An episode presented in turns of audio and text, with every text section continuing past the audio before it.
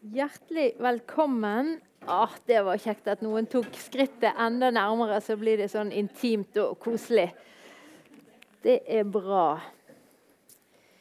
Vi er i eh, Snart har eh, litteraturfestivalen fylt et døgn, men fortsatt er vi på begynnelsen, og det skjer mye spennende rundt omkring. Jeg håper alle får, har, har fått med seg og kommer til å få med seg litt likt og ulikt. Men her skal det handle om å oversette. Og vi har Synnøve Sundby, som har oversatt et 30-talls bøker fra fransk. Som har eh, bodd i Paris i over 30 år. Som, men som ikke har et sånn parisisk eh, fokus, men har, har, jobbet mye med litteratur fra andre deler av tidligere franske koloniherredømme, eller kolonivelde, kan vi vel si. Jeg har tatt med meg to. Simon Schwarzbart. Og Det var forfatteren, altså. Og eh, det er veldig vanskelige navn, men Sheikh Hamidou Khane. Mm. Er det omtrent sånn? Mm. Og så har vi Laila Stien, som jeg ikke tror trenger noen som helst slags presentasjon som forfatter. For det er jo en av våre um, aller uh, sterkeste novelleforfattere vi har her i dette landet. Og uh, kjent og prisbelønnet for det, men kanskje mindre kjent. I hvert fall var det det for min del at uh, her foreligger noen oversettelser fra nordsamisk. Og jeg har tatt med to her òg. Nils Aslak Valkjape, 'Vindens veier', og Jovna Ande Vest, Mm. Reintråkket ender ved bredden. Som eh, vant den første samiske førstepris i den første samiske romankonkurransen, står det her. Uh, så det er på en måte ganske ulike utgangspunkt. Geografisk i hvert fall. Det høye, kalde nord og det varme, deilige Karibien men, og, og Afrika. Men felles er jo det da at vi er utenfor den eh, vesteuropeiske dominansen som vi ofte Eller anglosaksiske vesteuropeiske, kan vi jo nesten si, som ofte er vår nærmeste sånn, referanseramme. Og det må jo være en god ting, tenker jeg.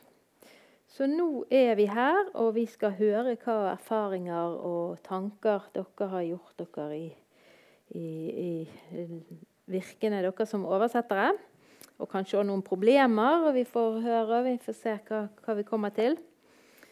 Så det har jeg gledet meg veldig til. Tittelen på arrangementet er jo 'Hvordan oversette hverdag'. Eller 'Hvordan oversette hverdag', er det vel strengt tatt på nynorsk i programmet. Og siden hverdag er festivalen sitt tema og går igjen på så mange måter, så har jeg jo tenkt at det er jo ingenting som er mer naturlig enn å begynne akkurat der. Mm.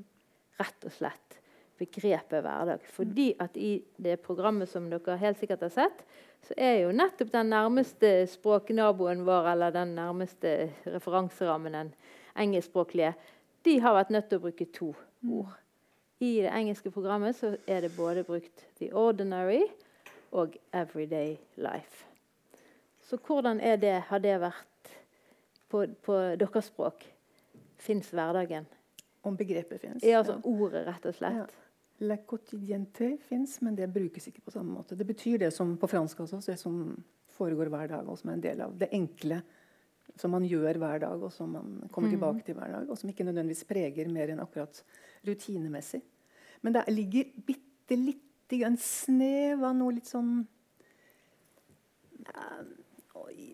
ordinært i betydningen litt uh, nedlatende i noe som mm. er veldig hverdagslig. Jeg tror kanskje at det norske ordet hverdag eller hverdagsspråk er en del av vår måte å eller et uttrykk for vår måte å tillegge det vanlige, det ikke-ekstraordinære, en større verdi mm. enn man gjør i latinske sammenhenger. Tror jeg. Mm. Kan du gjenta det ordet? Latinske sammenhenger. Nei, det ordet som var ah. det franske ordet. Eh, på fransk så tror jeg det blir 'quotidiente'. Men det brukes ja. ikke 'quotidien'. Le quotidien, det er, det, hver, det er hverdagen. Mm -hmm. I hverdagen kjører jeg Hver dag kjører jeg mine barn Mm. til skolen. eller følger jeg mine barn. Quotidiennement, je le fais. Hver dag gjør jeg det. Mm.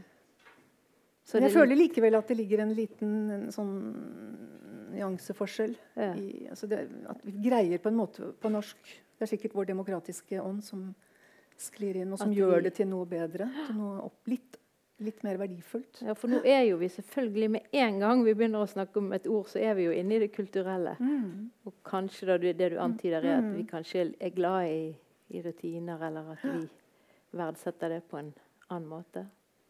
Ja, jeg mente ikke at vi er gladere i rutiner. Jeg mente å si at det enkle, det Mhm. som ikke skiller seg ut, det som ikke er briljant og strålende, har en Muligens, det er min, men dette er bare følelser. En, Mm. en annen verdi Mm. hos oss i vårt protestantiske nord enn det har hos katolikkene. rett og slett. Mm. Tror jeg. Jeg har, føler det sånn på fransk i hvert fall. Ja. Mm. Har, men tenker du, er det forskjell mellom det fransk-franske og disse koloni... eh, Det er det helt sikkert. det? Ikke, det er det helt sikkert. Eh, men mitt utgangspunkt nå er det franske språket, som da eventuelt man kan si at brukes på forskjellige måter og skaper Mm. veldig forskjellige møter, om det er i Karibia, fransktalende Karibia, eller i fransktalende Afrika. Mm. Og da blir jo oversetteren konfrontert med nye ting. Men det, var, det jeg tok ut, utgangspunkt i, var liksom Selve selve begrepet, ja. og hvordan jeg føler at det Ja. blir på fransk. Mm. At hvis du oversetter det, og det kan du gjøre, så får det Og det er jo vi oversettere veldig vant til. Det får ikke den samme klangen. Det har ikke helt den samme Nei. betydningen. Mm. Hva sier Laila?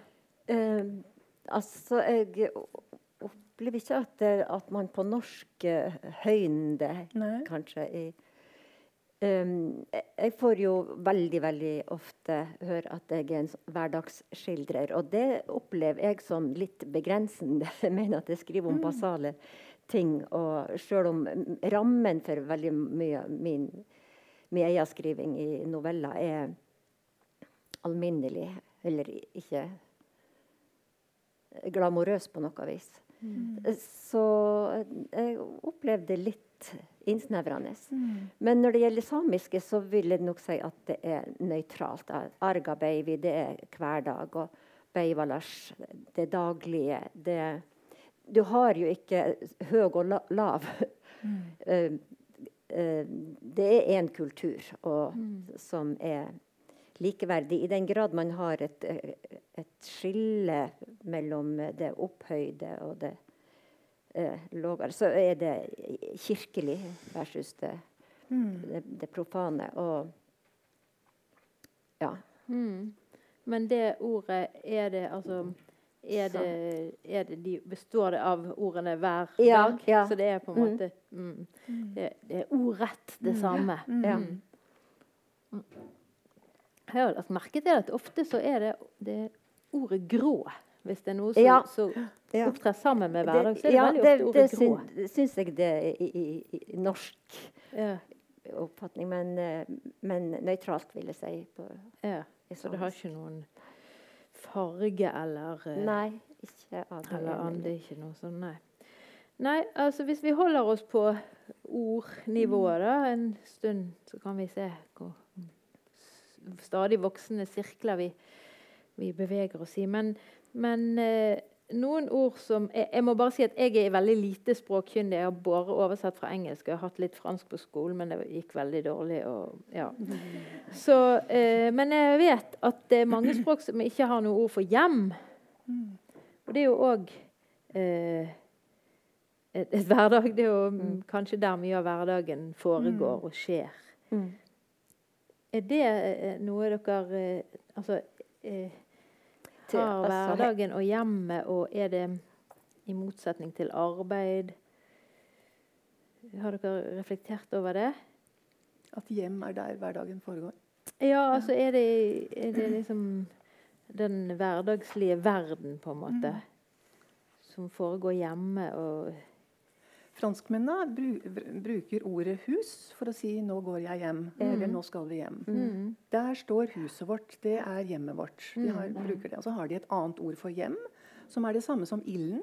Som er le foyer, sant? opprinnelig der hvor ilden brant. Det er der man bor og lever. Men i vårt dagligspråk, når vi sier mitt hjem er så viktig. Det har vi jo alle Ikea-kataloger. Der er hjemmet det aller Mm. viktigste i skandinavisk sammenheng. Mm. ellers også. Det ordet bruker, har man ikke på fransk. Man sier 'la maison', Ja. som er betyr huset.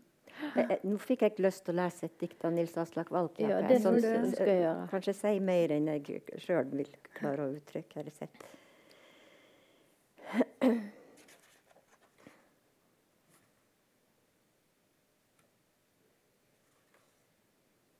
Ja, der begynner det. Det er en sånn eh, suite med flere tekster, men det er ikke så langt. Heimen min er i hjertet mitt, og den flytter med meg. Der lever joiken, der høres barneglede, bjeller klinger, hunder gjør, lassoen plystrer. I heimen min bølger koftekantene, samejentenes bellinglegger, varme smil. Heimen min er i hjertet mitt, og den flytter med meg. Hva skal jeg si, bror? Hva skal jeg si, søster? De kommer og spør hvor jeg hører hjemme. De har med seg papirer og sier dette tilhører ingen, dette er statens land, statens alt. De leter i tjukke, skitne bøker og sier det er loven, og den angår også deg. Hva skal jeg si, søster? Hva skal jeg si, bror? Du vet det, bror. Du forstår, søster. Men når de spør hvor heimen din er, sier du da alt dette? På Skålfedjeva reiste vi telt under vårflyttinga. I Tjapavåpmi hadde vi gamme i brunsttida. Sommerplassen var på Itonjarga. Om vinteren var reinen i Dalvadas-traktene. Du vet det, søster.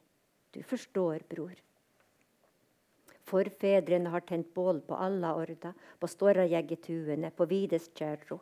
Bestefar fiska i fjorden. Bestemor skar sennagress i Skjelgesrohto. Far ble født under Finjobakti i sprengkulda. Og så spør de hvor du hører hjemme. De kommer til meg og viser meg bøkene, lovbøker som de sjøl har skrevet. Dette er loven, den angår også deg, se. Men jeg ser ikke, bror. Jeg ser ikke, søster. Jeg, ser ingen, jeg sier ingenting. Jeg kan ikke. Viser dem bare viddene. Det var fint, da. Så det, det er ikke så mange Ikea-kataloger i Nei. samiske hjem. Nei, nei. Fantastisk. Nei, Og så er det jo dette med å ikke være stedfast, men Nei, å, være mobil og Mm. følge Mm. reinen. Jeg vil jo tro at det får en del Alle gjør jo ikke det, altså, men det er et grunnlag som, og en, en holdning. Mm. Ja. Uh, du, Synnøve, du sa det at hverdagsspråket er kanskje den aller største utfordringen for en oversetter. Ja, når vi snakket sammen. Ja, det, eller på mail og vi, Ja. før i Men det er fordi jeg tror at alt som ikke er ren terminologi alt, Her har du alt som er terminologi. Det er det tekniske. Det er tekst bestående av ord som det er greit å slå opp i en ordbok for å finne ut hva det betyr. Alt det andre, enten det er metaforisk preget lyrikk eller det er prosatekster, f.eks. For fortellinger. Alt det der, enten det er inkluderer eller ikke inkluderer en hverdag eller en hverdagslig samtale. Alt dette her er ikke terminologisk. Der hjelper det ikke å kunne betydningen for hvert enkelt ord. Der må man ha en, en, en forståelse av hva ordene sammen betyr. mm. Og, og Derfor så er det helt naturlig at den delen, det språket, er det som er vanskelig. Det er ikke noe vanskelig å oversette terminologi. Det må bare ha er oppslagsverkene. Ja, rett eller Mm, feil. Ikke sant? Ja. Så alt annet som ikke er terminologi, i det øyeblikk du ser på tekst som noe annet enn terminologi, det, så har du noe å lete etter. Og det gjelder også samtaler. Det gjelder Mm. også 'skrudde du på kaffen', eller 'når går båten'? For det er det som ligger bak. Mm. Derfor så tror jeg at vi som oversetter skjønnlitteratur, enten det er lyrikk eller romaner eller fortellinger, vi oversetter en diskurs. Og det er den vi må, vi må forstå. Mm. Derfor så er det helt, helt åpenbart for meg at hverdagsspråk er blant det vanskeligste. Mm. For Det, det rommer Mm. Det rommer så mye. Ja. Ja. Dette har jo oversettelsesteoretikere Ja. snakket om veldig veldig lenge. At det som ligger bak ordene, ikke skaper den samme altså Ordet 'brød' på tysk skaper ikke samme assosiasjon som Mm. Det, gjør, det norske ordet gjør. Og så videre. sånn. Det er det man leter etter når man oversetter. Så Derfor skiller ikke jeg ut hverdagsspråk. Det som du leste nå, var en beskrivelse av noe veldig konkret. Men det var jo ikke et hverdagsspråk. Men det var jo hverdagsliv, var det ikke det? Men er ikke alt liv det? Jo, kanskje på en måte. Ja, ja, ja, Men, men så sier du, Laila, at samisk, eller i hvert fall samisk skriftspråk, har ikke høyt og lavt. Nei. Har ikke de stilnivåene som Mm. Jeg tenker at som oversetter så er jo det stadig de valgene eh, Altså å finne tonen, eller å finne det her uhåndgripelige. Men det gjelder det samiske skriftspråket. Men muntlig samisk, har ikke de heller Nei, det har mer individualitet. Altså at du uttrykker deg på en måte som gjør deg til en person. Du presenterer ikke deg sjøl som representant for en, en klasse, f.eks. I, I den grad det finnes et, et klassesystem i, i det samiske, så går det mellom uh, reindriftssamer og eksempel, og fastboende eller kystsamer. Der reindriftssamene er overklassen. Og nå holder jeg på å oversette ei bok uh, av Risten Sokki. Hun sitter der. Du kan jo røyse deg.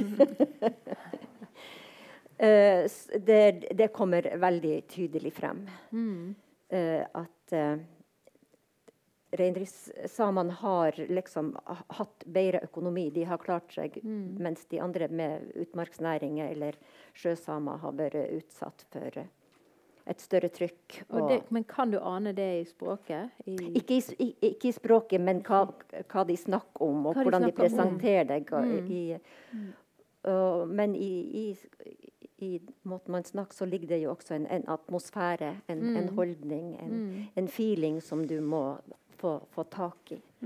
Det er ikke nok å Men- og, og, og kun to språk er ikke nok. altså Det det andre det er bakom. Man må ha den, en tilstrekkelig sensitivitet for å klare å, å, å fange opp og, og, gjøre bruk av i det språket man sjøl skal skrive det ut på.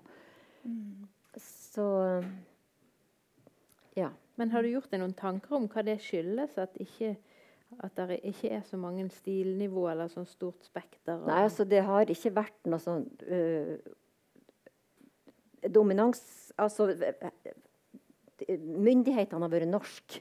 Mm. Uh, så de har, vært, eh, de har vært noen helt andre med sitt språk, da. Mens eh, den samiske befolkninga har ja, Bortsett fra det jeg nettopp peka på, så har de uh, det samme språket. Og sånn som når jeg skulle oversette Nils Aslak, denne tjukke boka av Nils Aslak Valkeapää, så Ja, Fantastisk. Ari Lindeberg eh, anmeldte eller eh, kommenterte den boka og syntes at det, er, det var veldig bra gjort av At Valkeapää klarer å formidle eh, altså dype ting. Et eh, ja, dybde i innholdet med å, å kombinere det med et sånt folkelig språk. Men, men de, de, de, den eh, folkelige normen som jeg har valgt i, i oversettelsen, det er faktisk mitt valg. Ok, For Så da må du røpe for hva var alternativene i det valget? Ja, altså eksempel det jeg leste nå, at jeg, at jeg eh, bestemte meg for Altså tittelen på denne boka Mm, altså på norsk, ja, det, Den heter noe annet på samisk. Den heter Rokto Vaimos. Og det betyr 'hjem i hjertet'. Å, det var jo det du leste. Ja, Men det syns jeg ble ja. Det ble for poetisk? Nei, liksom, ja, Eller for hjerte... Nå er jo Ja. Vindens veier Men, Vindens ja, jeg, tok, jeg, plukka det fra et, fra et annet dikt. For det er jo egentlig Men, tre eh, bøker. Eh, Jeg, Jeg må ja, bare vise litt. Det er, fantastisk. dette er ikke hverdagskost, altså, for å Mm. si det sånn. Fantastisk bok med Ja, han har jo alle mulige eh, og, og noter og Først, Nei, den er veldig, veldig flott. Altså. Men jeg valgte da ikke veldig radikale former, men jeg skriver f.eks. heimen min i stedet for mitt hjem. Jeg, I min egen skriving bruker jeg sjelden foranstilte eh, pronomen. ja. Og, og følte at det ble for stivt. Så, så det var et valg jeg, jeg gjorde. Og det er lignende. Og jeg, jeg kan f.eks. ikke skrive 'mitt hjerte' uten å føle meg litt sånn ubekvem. Så, så, men veldig radikalt er det jo ikke. når jeg, det her er en av de første tingene jeg gjorde når jeg begynte å oversette. Jeg kom i 1984, og det var det er, der har jeg samla forskjellig slags samtidslitteratur, forskjellig samtidslitteratur, både dikt og prosa, og laga en liten antologi. Og da skrev Morgenbladet i 1984 at om Laila Stiens språk er det å si at det er altfor preget av radikalt bokmål til å kunne kalles vakkert. Oh. Prosaen er verst. ja, hva skal man ikke høre? Så dette er jo veldig dårlige fordommer. Nå, og her, nå har jeg kikka på den og det, nå nylig, og jeg kan ikke finne at det er så veldig radikalt. Men det er veldig interessant. Betyr det at når du kikker på den nå som du gjorde i 84, tror du at du kanskje ville gjort den annerledes? i dag? Ja, sikkert masse ting man ville ha gjort annerledes. Uavhengig av hva Morgenbladet skrev med det? Ja, ja da. Mm. Ja, det, dette er veldig interessant, og ikke minst eh, at det her samiske er jo faktisk eh, altså Det er jo en del av vår norske identitet som vi vet så skrekkelig lite, lite om. om. Og jeg har lyst til å spørre du sier at på samisk så har dere ikke flere nivåer. Nei. Typisk kjempestor forskjell mellom samisk og fransk. Interessant. Ja. Men betyr det at man f.eks. ikke har dis-form? Ja, ja, det og man har ikke en måte Men man har entall, totall og flertall. Ja, mm. men, men, tiltall, dere to og ja, ikke sant, sånn, bøy. Mm. Men et, man henvender seg ikke på en bestemt måte eller en spesifikk måte i den ene eller andre situasjonen? Nei, det er det. Man gjør ikke det? Nei. nei, nei, nei. Så men det folkelige kommer frem i ordvalg, da, altså hva mm. slags ord. Og, mm. og så sa du, eller du skrev i mail at det var en del norske låneord. Ja, det er ganske Men mange norske. Men er det eh, til et bestemt type, kan man si at eh, det tilhører liksom eh, media eller ja. mat eller Nye, eh, fenomen ja. som kanskje i en samisk språkkomité har fått et ord, men det er ikke innarbeidet i, i daglig bruk. Ja. Så mange blander veldig mye. De, er det sånn som de har på Island, at de lager nye Ja, de, de har ikke samme gjennomslagskraft som Nei. på Island. Det, men, men, det jobbes med, ja. med, språket, og det gjør det for å kunne mm. dekke alt mm. nytt som kommer. Mm. Ja. Men da tror jeg vi skal til noe annet som vi vet lite om, eller som i hvert fall jeg visste veldig veldig lite om. Og det er jo det, dette kreolfranske som du har mm. jobbet veldig mye med. Jeg har ikke jobbet mye med kreolsk, fordi det er et eget språk. Det fransk-kreolske som snakkes på de franske områdene i Karibia. Det fins spansk-kreolsk også, men kreol betyr blanding. Mm. Jeg har ikke jobbet mye med det, for jeg kan ikke det språket. du kan ikke forstå? Nei, det kan jeg ikke. Skjønt, kanskje hvis jeg så noen ord skrevet, så ville jeg gjette meg frem til. Mm. Men det som preger den litteraturen, er at kreol, det kreolske språket står rett bak, og har jo vært forbudt. Mm. Det er jo et uh, muntlig språk først og fremst. Og at det står rett bak og presser på det franske, som er koloniherrenes språk. Og det preger ikke at Det, det preger det, til, det, skrevne språket til slutt, som jeg driver og jobber med, og som jeg oversetter mm. til norsk. Mm. Uh, og det kommer til uttrykk gjennom at man gir et ord en utvidet betydning fordi man ikke riktig vet hva det betyr. Et fransk ord. Mm. At man har lært fransk på skolen på en måte man, hvor man ikke helt mestrer det. Og så betyr det ikke minst et, kjempe, et språk som er ekstremt preget av metaforer. Av uh, Apropos hverdag. Uh, jeg bor ikke i Karibia, så jeg snakker dette språket bare gjennom de tekstene jeg oversetter til norsk. Men der heter 'min elskede' 'min himmel'. Ja. Eller mitt, uh, 'min verden'. Der og der beskrives gjøremålene, i hvert fall i tekstene. da. Og Det er dem jeg forholder meg til. Det beskrives gjøremålene veldig, veldig, som vi kaller poetisk. Så det ser ut som vi trekker oss veldig langt vekk fra det hverdagslivet, hvis, hverdagslige.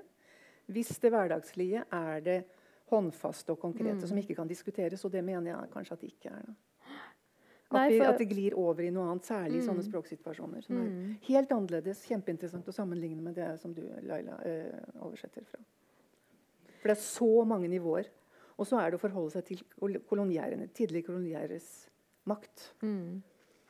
Ja, for da har vel situasjonen vært eh, sammenlignbar med det samiske. vel, At eh, på skolene og i det offentlige så var det norsk, mm. og da var det fransk. Mm. Men så hadde man et annet språk hjemme, sånn at man var på en mm. måte tospråklig veldig mange Altså switchet frem og mm. tilbake sånn. Det er jo egentlig veldig imponerende. Men når du sier det med metaforene fordi at Jeg har også tenkt litt på ja, Er det liksom sånn at det er realisme, hverdagsrealismen, og sånn som du sier at novellene dine har blitt oppfattet som hver, hverdagslige? De jo, handler jo veldig ofte om sånn ja, noen vanlige mennesker som bor et vanlig sted, og så er det jo samtidig alltid noe som ikke er så vanlig, da, heldigvis. Så det jo, skjer jo det i det vanlige. Men hva er det? Ja, det er det, sant. Det, det er jo Mm. alt. Det var ett dikt her som jeg syns var også satt veldig fingeren på det, hvis jeg får lov å lese her om det. Eh, alminnelig, som det står her, da.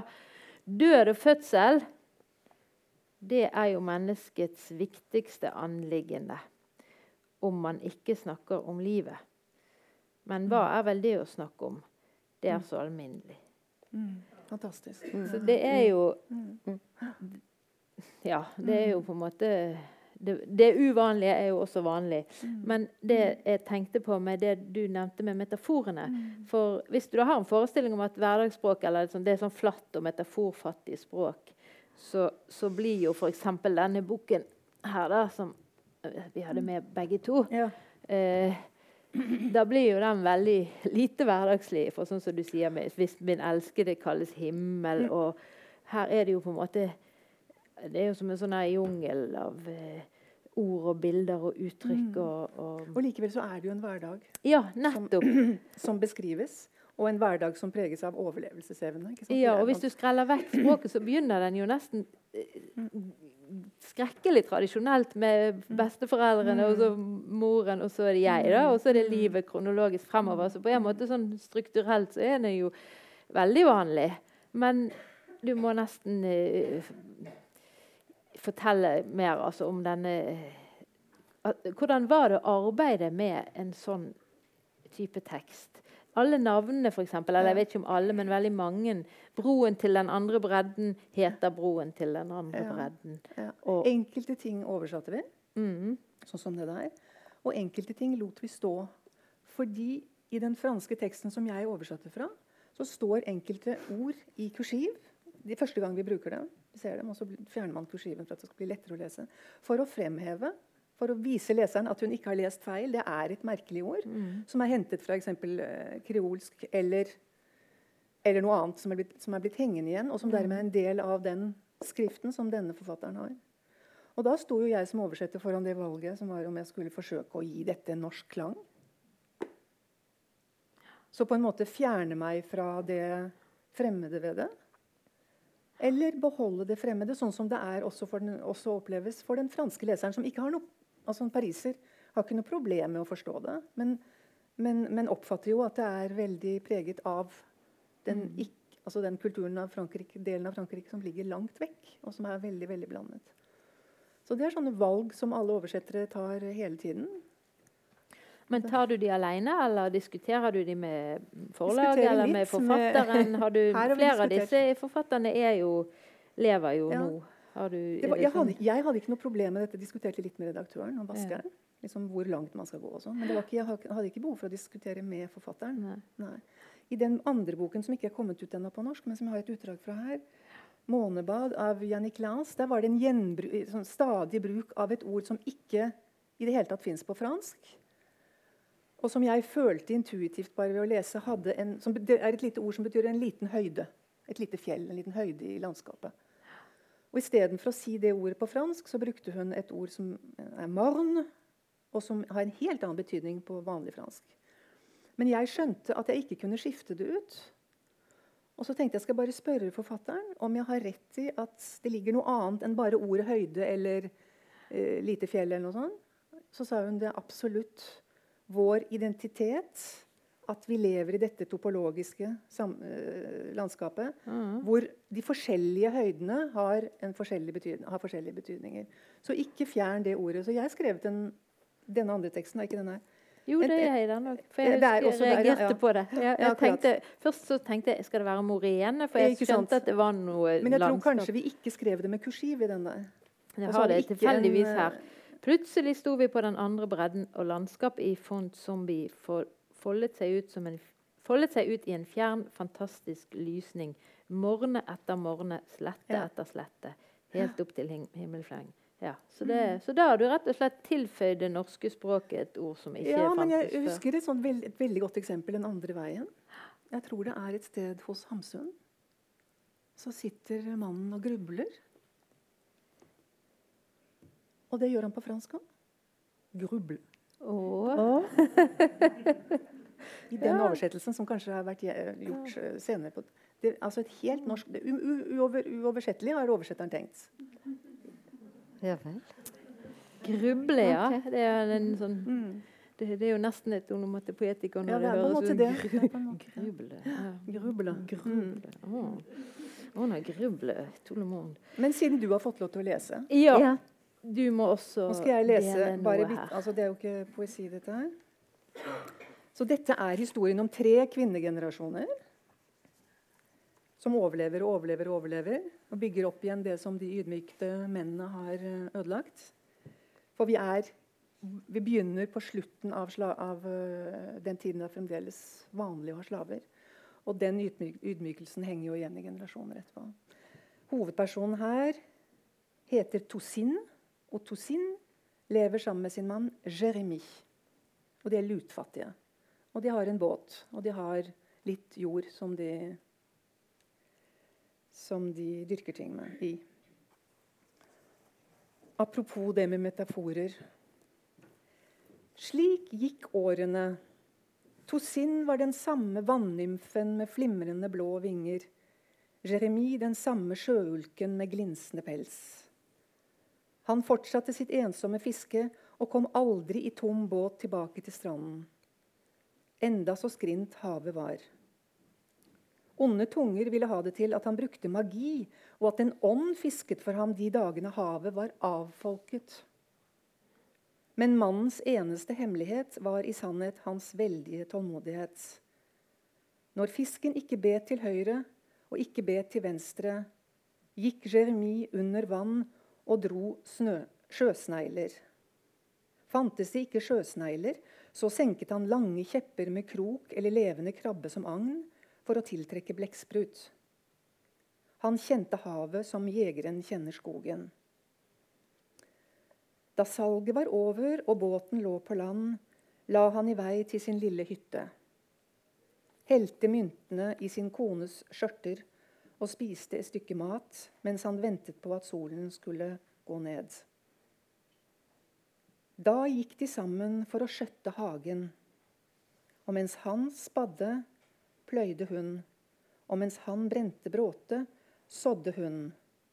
Og så kom skumringen over øyene like brått som hver gang, og i det begynnende mørket tok Jeremy rett på bakken en liten forrett av sin kones kropp, mens han hvisket all tenkelig ufornuft, nøyaktig som den første gangen. Ennå vet jeg ikke hva jeg liker best ved deg. En dag er det øynene, den neste er det skogslatteren. En dag er det håret, den neste er det den lette gangen. En dag er det føflekken i tinningen, og den neste er det de riskornene jeg ser når du smiler. Og Tosin frøs av fryd til mandolinsangen og svarte med en liten, frisk fløytesang. Men elske, min elskede, den som ser deg i gaten, gir deg nattverd uten skriftemål. Men du er en farlig mann, og kunne et menneske dø av lykke, så hadde du lagt meg i jorden for lenge siden. Så gikk de hjemover, og Jeremi sa til kvelden, mens han kastet et siste blikk mot åkeren, hvordan skulle man ikke kunne elske sin hage? Og det er hverdagsliv. Mm. Det er veldig flott. Mm. Jeg må si at I denne boken med alle disse frukt, brødfruktene og blomstene, og alt sånt, så, så er det nesten så jeg kvepper til et par steder så Mm. står det at de får torsk. Og da blir jeg liksom Å, sånn gjør de det? Ja, Ja. ikke sant? Å, ja. jeg, Oi, jeg i den verden jeg kjenner likevel? For da er jeg helt sånn fylt, Mm. flyttet over i, i, inn i romanen. Men eh, Laila, du har jo dette med Noen steder så bruker du ordene uten å oversette dem. Jeg tror at det du leste stedsnavnene Ja, og så var det dette med bellingene. Var det, leste du? Ja, det er jo et norsk ord Det for, norsk for det her eh, skinnleggene. Det er bare et, Ja. et uvanlig Ja, så det er ikke et samisk ord. Det er oversatt fra samisk. Det heter noe på samisk. Men i denne mener jeg det ha, du hadde noen der du forklarte Bellinglegger, ja. Bellinglegger. ja. Men her husker jeg bl.a. navnet Det var denne bestefaren som Eller jeg-personen treffer, går til bestefaren, og så sier han ja, vi er jo navnebrødre. Og da hadde du bevart det Kaipmi. Ja, var ikke det noe med Ja, hvis, hvis det Det- skrives med G. Ja, Ja. ja det, er, det, er, det betyr navnesøster eller navnebror, og det brukes aktivt altså i tiltale eller omtale av en person som heter samme som en sjøl, så bruker man det i stedet for eh, personnavnet. Mm.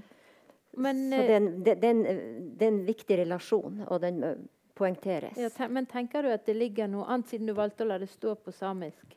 At det ligger noe nærmere Altså en, en dypere mening i å dele navn enn bare at det tilfeldigvis er samme navn, liksom? Nei, det- det er, det, det, det er en forsterka relasjon, liksom. Mm. Mm. Det at det- man har samme navn, det er, Mm. det er ligger noe mer- ekstra i Ja, det ligger mer enn en bare navnet. ja. Mm. Men når du snakk, øh, leste om de her metaforene altså um, Jeg har ikke oversatt uh, som, som Eller jeg har ikke oversatt noe som er veldig metaforrikt. Altså, men uh, bibeloversettelsene til samisk er ve veldig gode. Men det er som om at det, det er en terminologi der som ikke er så mye i bruk i det daglige. Det er liksom forbeholdt um, det religiøse. Og når det gjelder den læstadianske vekkelsen som gikk over ja, Som har gjort seg sterkt gjeldende i de nordligste områdene, Norge, Sverige og Finland, så har de predikantene som skrev de preikenene, de har et veldig metaforikt språk. Men Det har ikke jeg hatt så mye eh, kontakt med. Men jeg har hørt eksempler. Det er veldig rikt. Mm. Og det er, ja, det er mye fint å hente der. Men, Mm. Så jeg har ikke beskjeftiga meg med det. Men det er der. Det er det, men det Så man blir kan, ikke man kan snakke sånn på samisk også. Eh, det- det- Ikke vanlig altså Det blir vel i spesiell i Ja. religiøse i menigheter, det, men det fins. Det går an. Det fin, ja, man kan det gjøre det med språket. Man Ja, kan ja, ja det. det, er, det fins veldig mange ord som ikke brukes i det daglige. Mm. Ja, Men hvorfor tror du at det ikke de altså Er det bevisst holdt jeg på å si, at de, at de vil reservere det språket for Bibelen? Det, er en praktisk kultur. Det er mye arbeid. Det, er mye dreier seg om arbeid. Og, og, det, det, Mm. og hverdag. Mm. Men det gamle, Så- eller bibelspråket, da, for å kalle det det, er det andre kjennetegn, sånn som du sier, skal vi si 'min hest' eller 'hesten min'? Det er jo eh, litt sånn fra gammelt av i norsk så var det jo regnet for å si dans. For å være mer Mm. dansk Mm, ja. si 'min hest', 'min pike', 'min ditt og datt'. Men har du den de Nei, du har ikke den dis Det har du distinksjonen. Så det er oversetteren da som foretar sitt Men hva med sånn som setningsbygging og eh, Igjen kan jeg lite språk, men jeg vet Mm. jo at f.eks. tysk er veldig beryktet for å ha kjempelange setninger og mange innskudd, og så Mm. kommer vel gjerne verbet til slutt, så vidt jeg har forstått. Uh, Samisk har ganske mange lange ord. For det er et såkalt aglinut aglitunerende språk som kommer av gluten, som betyr lim. Altså man liv på, lim på endelser, og får da en eh, distinksjon i, i betydning. Altså Det første problemet jeg støtte på, den første boka jeg oversatte, var en diktsamling av Synnøve Persen. Og den heter 'Alit lottit girdilit'. Og det betyr blå alit, blå fugler. Eller de blå fuglene. Man skiller ikke mellom bestemt og ubestemt. Det går frem av konteksten. Men en tittel har jo ikke en kontekst, så dere må man gjøre et valg. Og girdilit, grunnverbet er girdit. Girdi, ved å endre endelsen, altså ditt, stitt, ditt, stallat, dallat eh, ja. Eh, eh, så legger du inn en presisering av måten ei handling foregår på. Så for å få samme presisjon, så må du bruke mange ord på norsk. Så, og særlig når man oversetter dikt, men også i prosa. Så det skal jo være stramt og, og rytmisk og fint. Men um, der har de en, en veldig styrke. Så da I det du hø som veldig høyt presisjonsnivå. Så da må du enten velge å og, og ikke ta med alle nyansene, Ja. da, eller som du sier, så blir det litt Ja. langt, og det kan bli omstendelig og lite. Så man må kompromisse. Det er jo smertefullt, det. Men jeg, jeg landa på 'blå fugler flyr'. Altså det nøytrale flyr. Men egentlig så betyr girdi litt, som er subjektiv, at eh, fuglen letter fra bakken eller greina og begynner å fly. letter fra bakken og begynner å fly. Ja, jeg skjønner. Det er jo eh, Nå blir jo ofte oversettelser lengre enn originale, har jeg hørt. Men Mm. akkurat å få med så, så fine nyanser er jo vanskelig. da. Men hva tenker dere sånn om å sette punktum der det ikke er punktum? Hvor fri er du, eh, Synnøve, med, med den type ting? Føler du at, at det fungerer greit å transponere nokså direkte til norsk? For det første så blir norsk, oversettelse fra fransk til norsk kortere enn den franske. Oh, ja. ja. Bitte lite grann, men hver gang alltid litt kortere. Ja. Og så øh, Det vet jeg ikke hvorfor man kan forklare. Altså, vi, vi er mindre omstendelige. Det betyr kanskje at der hvor franskmennene er veldig omstendelige, bruker fire ord for å beskrive en til, ting, så vil oversetteren velge seg bort det og redusere antallet ord. Eller at ordene er lengre. De er jo ofte veldig lange også på fransk. Mm. Men når man setter punktum, og når man setter Jeg har oversatt en roman hvor hele første side er én setning. Mm. Om, tror nesten hele første side er én setning. Med masse kommaer for at du skal kunne lese det. Og jeg, har, jeg kan lese det høyt. Fordi kommaene hjelper meg til å lese det høyt. Mm. Men det er klart, da er jo det noe som eh, For meg var det ingen tvil om at det skulle være sånn, selv på norsk. Så det er oversetteren som hører eller ikke hører hva som, hvordan det må bli. Og du kan bare spørre oversetterkollegaer, men det blir hver gang for helt forskjellig. Det har vi jobbet mye med. Mm. Samme tekst. Det blir alltid ganske forskjellig mellom to eller tre oversettere. Det har med hva vi hører bak ordene, som var det jeg sa i begynnelsen. Så jeg tror ikke at det fins en regel som sier at du, når, du, når den verbtiden på fransk skal du følge samme verbtid på norsk, eller når det er punktum der, så skal du ha samme punktum der. Det tror jeg ikke i oversettelse. Nei, altså, jeg eh, må Når du sier det her med forskjellig Jeg kom over en gang noen dikt av uh, Pessoa, den portugisiske eh, store forfatteren. Og da var, det var tilfeldigvis samme på norsk. To samme. Og det var så forskjellig. Men det gikk på det vi har vært inne på med stilnivå. For den ene brukte rom, og den andre brukte værelse. Og jeg tror det var sånn type stemme og røst og fortelle og berette, huske og erindre. Det er jo alltid, alltid mange valg der. Men, um, men når det gjelder sånn å, å forklare, da Altså eh, Jeg tenker at et sted eh, altså Den norske hverdagen er jo preget Vår kultur er preget av 100 000 ting som for oss er helt selvsagte. Hvor langt går det an å endre, eller um, Sånn som du nevnte det her med å si 'du' eller 'de'. For eksempel. Ja. For vi sier jo nesten aldri 'de' lenger, men det gjør man jo i Frankrike. Og på samisk har de Jeg har vært opp her i Frankrike. Det sa ungene eh, eh, de til foreldrene og du til meg. Ja. Men du har ikke de, så du Det var en skal- fin familie. Ja, ja, jeg skjønner. Men på samisk har du ikke det problemet. Nei. nei. Nei, der er det Men det, det er jo ikke et problem. Det var et dårlig ord. Det, altså På fransk så Det er en egenart. Ja. Men bare sløyfer du dette norsk, da? Nei, ikke bare. Men det som regel. Ofte, Som regel ofte men ikke nødvendigvis. Mm. Det er det jeg vil insistere litt på. at Jeg tror ikke det fins regler for dette her. Nei. Og Noen ganger så kan det være nødvendig hvis du oversetter fra engelsk, for eksempel, hvor det ikke syns at det er en dis-form. Mm. Men det ligger mellom, eller ligger i måten de Mm. snakker til hverandre på, at Mm. det må bli dis på norsk. Mm. Tror jeg. Jeg, jeg, jeg, jeg snakka en gang med Torstein Bugge Høverstad om uh, oversett av Raymond Carver. Han har oversatt Raymond Carver. eh, 'Vær snill, vær stille, vær så snill'. Og så jeg Hvordan klarer du å liksom gjøre det Få fram den der f- folkeligheten, det liksom i, i de her tekstene. Du bruker jo ikke spesielt Du bruker jo ikke akkurat radikale former. Og så sa han Det ligger i syntaksen. Han sa det, ja. ja. Hva tror du han mente med det, da? Nei, det, hvis man ser på hvordan du snur på ting, Ja. så at ei setning kan få en annen valør hvis du bare skifter litt om på, på ordstillinga. Mm.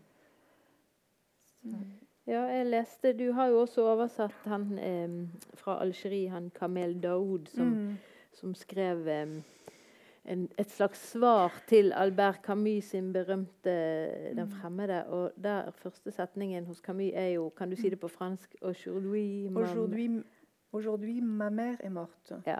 I dag døde min mor. Eller Ja. i, dag, i dag døde mor. Og, og jeg så akkurat nettopp en eh, lang diskusjon av ulike oversettelser som var gjort av den, av den løsningen, både med syntaks 'min mor døde i dag', eller mor, 'i dag døde mor', og om det skulle være mamma, eller ja, den type problemstillinger.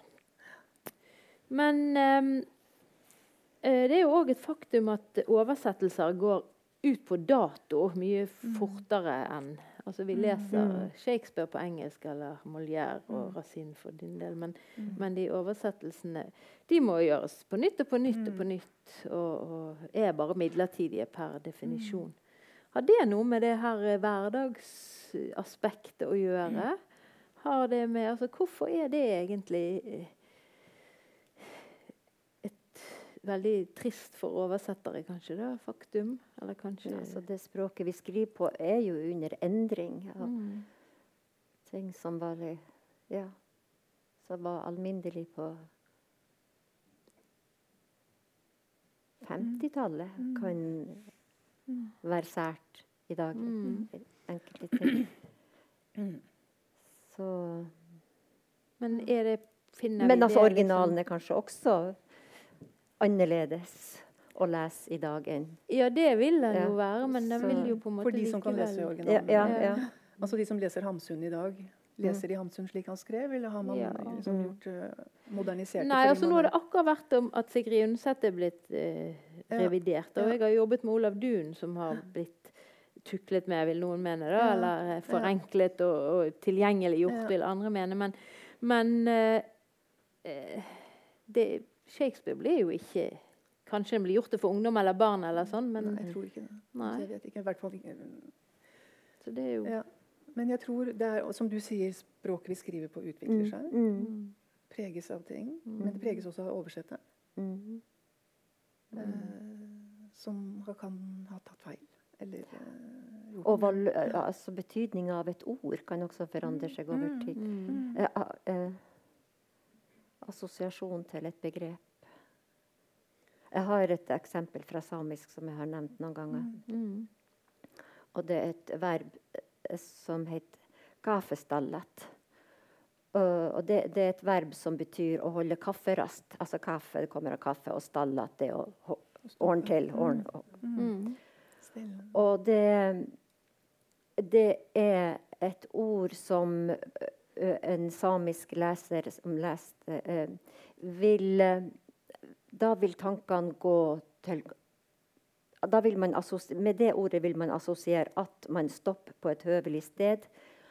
At man ø, ø, flekker bark av tre og, og, og ordner til tennved. At man gjør opp bål. At man har med seg en sånn svart kaffekjel og henger over det- den stanga over bålet.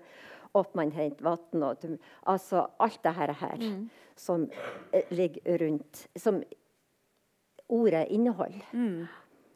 Så, men hvis at jeg skulle oversette det med å holde kafferast, for eksempel, som vil være det tilsvarende, så, så jeg hvis det var i en tekst fra f.eks. min barndom, oppvekst 50-60-tallet, da vil jeg se for meg kanskje en campingtur med sånne sammenleggbare campingstoler campingstoler man slår ut, og, Mm. og medbrakte kaffekanner Og, og hvis man var på ski, så ville det være en, en, en- støtsikker termos. Og en, altså, man ser, det ligger helt andre ting i begrepet i forskjellige kulturer. Så det er jo det oversetting er. altså Du oversetter en kultur, enten man nå kaller det hverdag eller søndag. Ja, ja. Så, så er det jo å oversette Mm. en hel kultur, nærmest. Det er jo det. Og nå skal vi jo nærme oss en avslutning her. Eh, men jeg tenker at eh,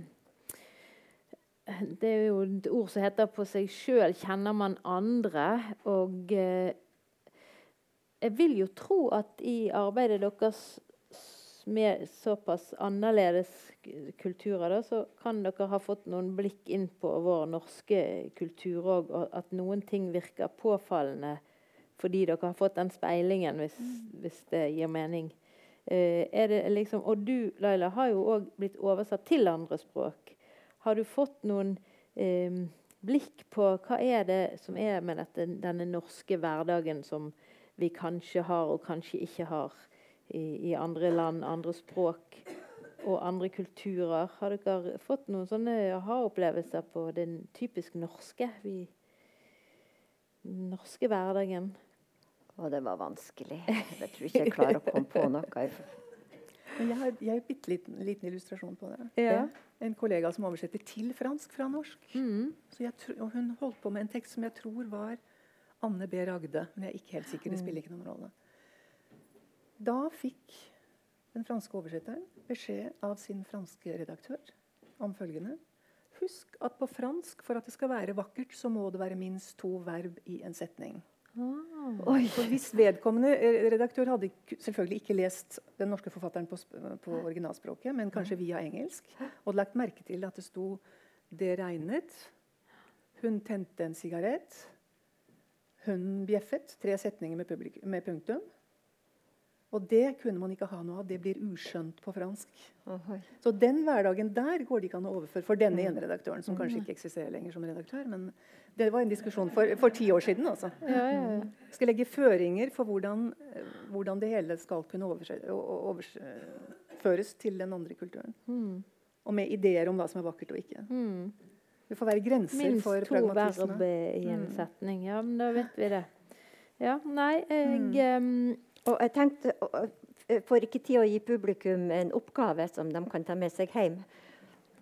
Men du skal lese noe Nei, jeg skal ikke lese noe. Eh, Det er en, eh, en novelle av Øystein Sokki som heter eh, 'Biro eller 'Helvetes eh, adjektiv'. Mm. Og, Men det og hadde det, vært veldig fint å høre litt samisk òg, da. Ja.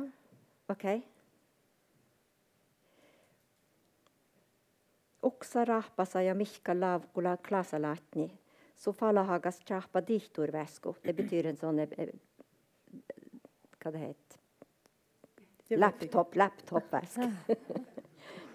Sugap magatul muttait saatne luokkaima le seivun lahta ja oahpehedji churgudan ja oahpehedji churgudan oaivi pira lihkadi verbat.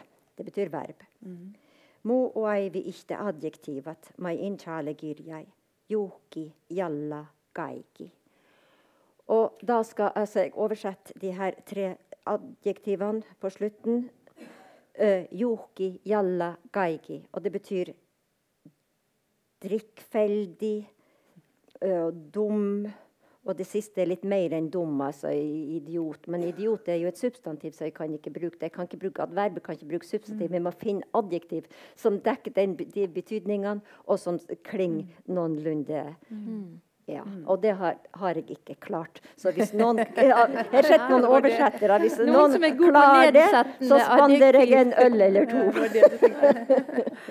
Greit. Nei, men Tusen takk for det, og tusen takk til dere to mest av alt, men også veldig veldig mye til dere som kom. Jeg har funnet to fine sitater som er fra den Kamel Daoud sin eh, Mersault-saken. Eh, vi har ikke snakket så veldig mye om det her med å være kolonisert og kolonimakt og kolonispråk og sånn, men, men det kan jo ligge i bakgrunnen. Men jeg har lyst til å bare avslutte med de. Det ene sitatet går sånn. Koloniherrer som flykter, lar som oftest tre ting bli igjen etter seg. Veier, ord og beinrester. Og det andre er sånn et språk kan drikkes og snakkes, og en dag eier det deg og begynner å forstå tingene i stedet for deg. Så ha en fortsatt fin festival og helg og et liv i språk og litteratur og oversettelser. Takk for oss.